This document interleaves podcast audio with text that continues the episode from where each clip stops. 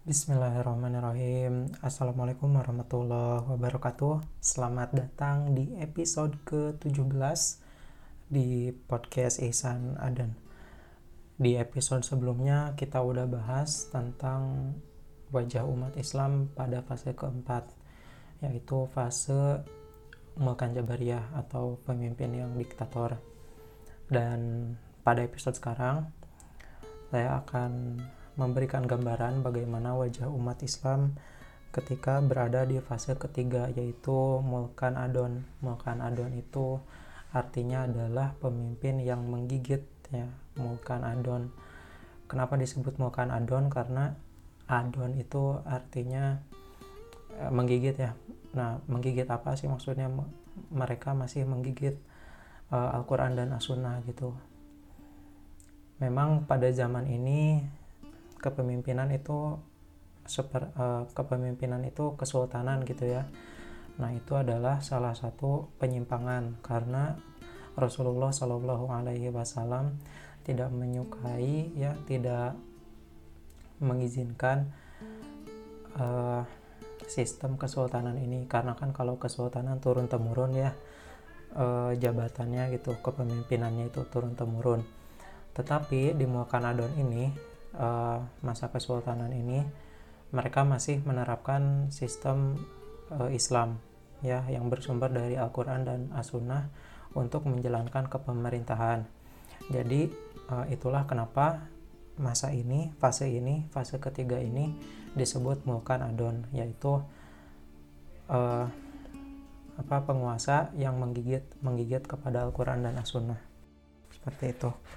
Nah, di sini aku uh, menjelaskan gitu ya wajah umat Islam dengan melihat sebenarnya melihat salah satu buku yang saya pegang ini uh, supaya uh, saya nggak salah gitu me, me, apa uh, menjelaskannya dan supaya teman-teman kebayang. Oke, wajah umat Islam pada fase ketiga yaitu fase mulkan adon.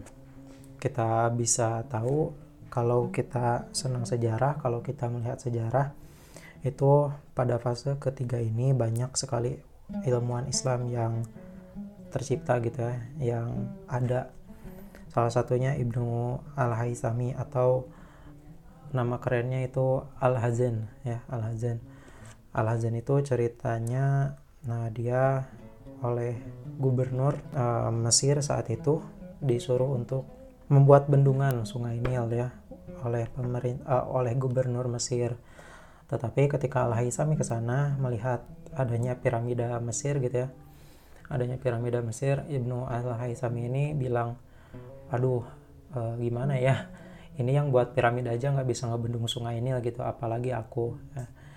Uh, Ibnu Al-Haisami ini ahli teknik sipil ya. Jadi kenapa gubernur Mesir menginginkan untuk membuat uh, bendungan Sungai Nil?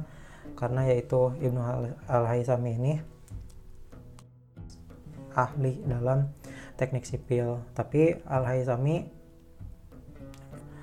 sadar diri gitu ya Al-Haisami sadar diri nggak bisa buat bendungan untuk membendung sungai Nil setelah melihat ya orang yang pernah membuat piramid ini uh, nggak bisa uh, nggak bisa ngebendung sungai Nil.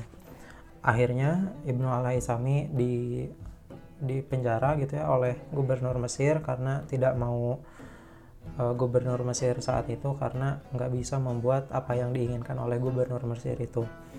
Akhirnya ya Ibnu Al-Haisami di dalam penjara beliau malah menulis kitab yaitu namanya adalah Al-Manazir ya tolong koreksi kalau salah bicaranya Al-Manazir itu Ibnu Al-Haisami membuat kitab tentang teori optik, teori mata gitu ya.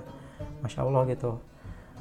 Seorang ahli ya yang di penjara ya kalau kita pikir kayaknya nggak bisa apa-apa lagi eh beliau malah nulis kitab tentang teori mata dan uh, teori mata ini ditemukan sekitar tahun 1000 masehi ya sedangkan ilmuwan modern ya kita sebutnya ilmuwan modern seperti Newton itu baru membahas tentang mata ini 200 uh, sorry 700 tahun setelah Ibnu Al-Haisami wafat. Jadi sekitar tahun 1700 itu Newton baru membahas tentang mata. Sedangkan Ibnu Al-Haisami pada abad eh, pada tahun ke 1000 Masehi itu sudah membuat ya, sudah membuat teorinya tentang optik, tentang mata ini, tentang lensa itulah. Nah, itu salah satu dari uh, karya Ibnu Al-Haisami. Masih banyak sebenarnya, tapi silahkan teman-teman cari referensinya di mana pun itu dan teman-teman sendiri akan takjub gitu ilmuwan yang lainnya uh, ada Abu Qasim Al-Zahrawi beliau adalah orang yang menemukan ya ilmuwan yang menemukan alat-alat untuk pembedahan ya masya Allah gitu di tahun yang jauh dari teknologi gitu ya beliau uh, Abu Qasim Al Zahrawi ini membuat alat untuk operasi bedah gitu ya. Dan sampai saat ini basicnya dasar-dasar untuk membedah itu ya alat-alatnya uh, digunakan oleh eh, dokter-dokter uh, yang sekarang. Ya tapi dengan saat ini gitu ya dengan teknologi yang lebih canggih pakai mesin dan segala macam itu lebih canggih gitu. Tapi ya ketika saat itu ya penemuan pertama tentang bedah ya tetap dari ilmuwan muslim. Terus ada Abbas ibnu Firnas salah satu ilmuwan polimet. Polimet itu dari dua kata poli itu artinya banyak met itu artinya ilmu ini beliau adalah salah satu ilmuwan yang uh, pertama kali terbang ya pertama kali uh, mewujudkan dan membuktikan bahwa manusia itu bisa terbang gitu ya. Ini pada tahun 875 Masehi ya. Teman-teman bayangin kita saat ini bisa naik pesawat itu ya berkat penemuan Abbas Ibnu Firnas. Itu tentang ilmuwan ya itu uh, aku baru nyampein tiga tentang ilmuwan tapi ya sebenarnya banyak banget ilmuwan uh, muslim kayak Al-Khawarizmi ya, pokoknya banyak lah Ibnu Al-Kindi ya kalau nggak salah itu yang uh, bapak kimia ya bapak kimia muslim uh, bapak robotika itu al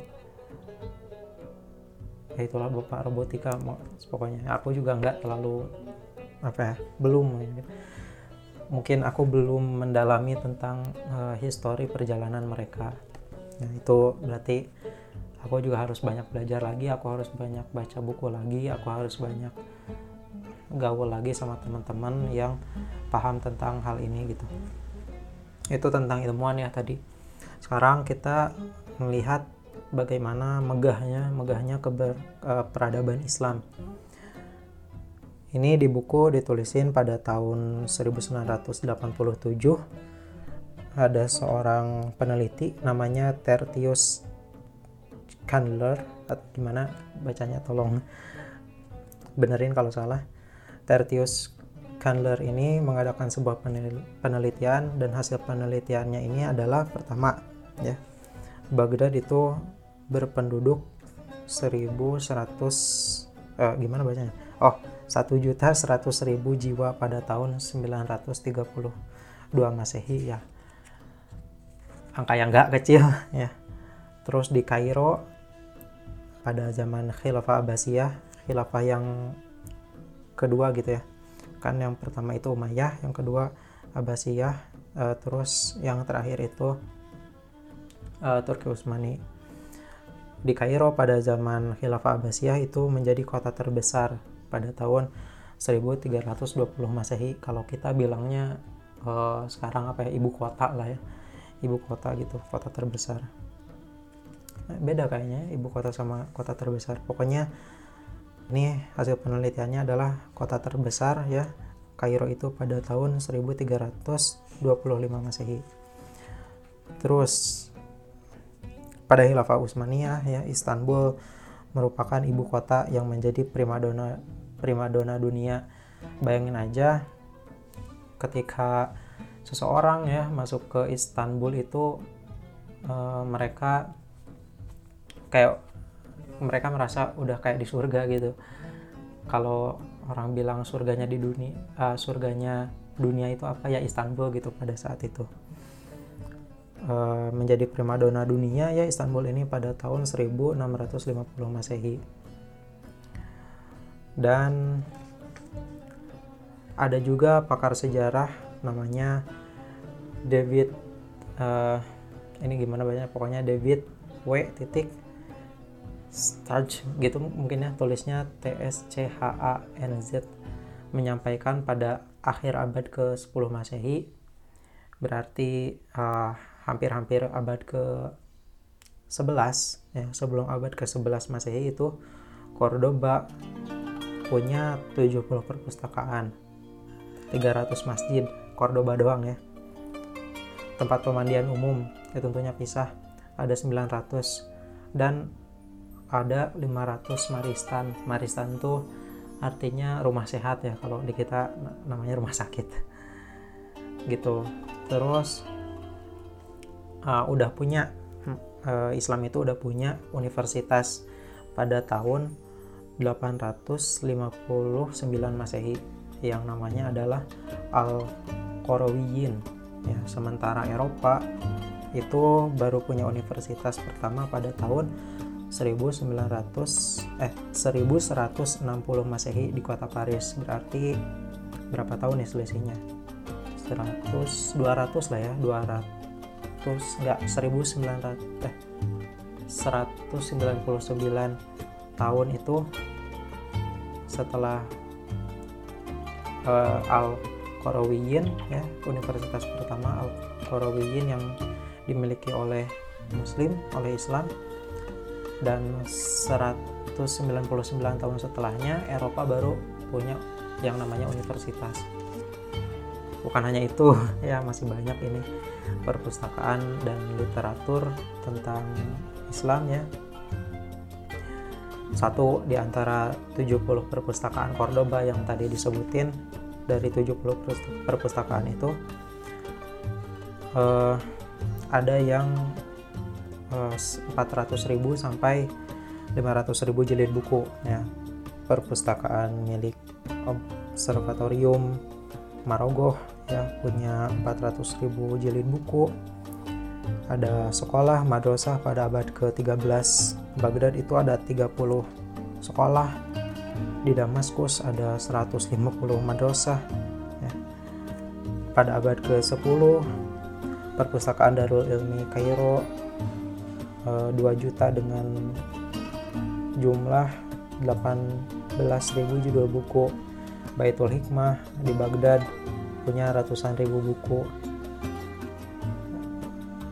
Nah tapi Baghdad ini hancur ya. Baghdad ini porak-poranda ketika Hulagu Khan menghancurkan Baghdad pada tahun 1958 buku-buku yang sempat diselamatkan oleh Nashiruddin Al-Tusi hanya sebanyak 400.000 eh, eksemplar yang dibawa ke Maroko yang masih sempat diselamatkan. Tapi angka yang uh, terlihat kecil kalau dibandingkan dengan semua buku yang ada di Baghdad pada saat itu.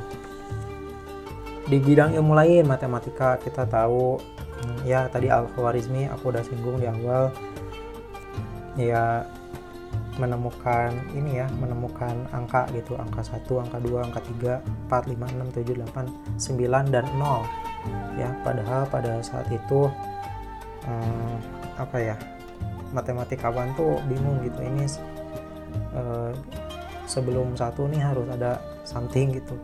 Dan al khwarizmi ilmuwan kita uh, uh, menemukan itu gitu ya menemukan angka nol.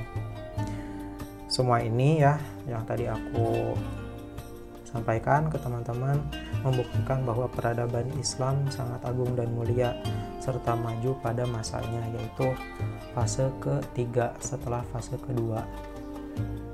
Insya Allah kalau ada umur kalau ada referensi aku di esok hari akan menyampaikan tentang bagaimana wajah umat Islam pada fase kedua yaitu fase Khulafaur Rasyidin. Yang mana Khulafaur Rasyidin kita tahu adalah Abu Bakar ya terus Umar bin Khattab Utsman bin Affan dan Ali bin Abi Thalib. Nah itu aja teman-teman.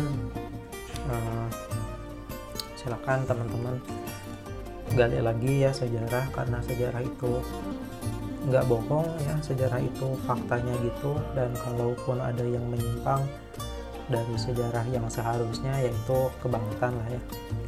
Itu aja dari aku hari ini. Terima kasih yang udah dengerin. Mungkin teman-teman yang belum dengerin eh, episode sebelumnya yaitu wajah umat Islam pada fase keempat silahkan tonton dulu ya. Eh silahkan dengerin dulu itu terima kasih. Hmm, semoga hari-harinya teman-teman semakin diridhoi oleh Allah Subhanahu wa taala, semakin produktif dan semakin taat sama Allah Subhanahu wa taala. Seperti biasa untuk yang mau nanya-nanya boleh DM saya di Instagram @ihsanadn dan kalau mau lewat email juga boleh di ihsan@ihsanadn.com.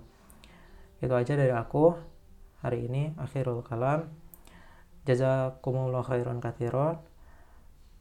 Wassalamualaikum warahmatullahi wabarakatuh.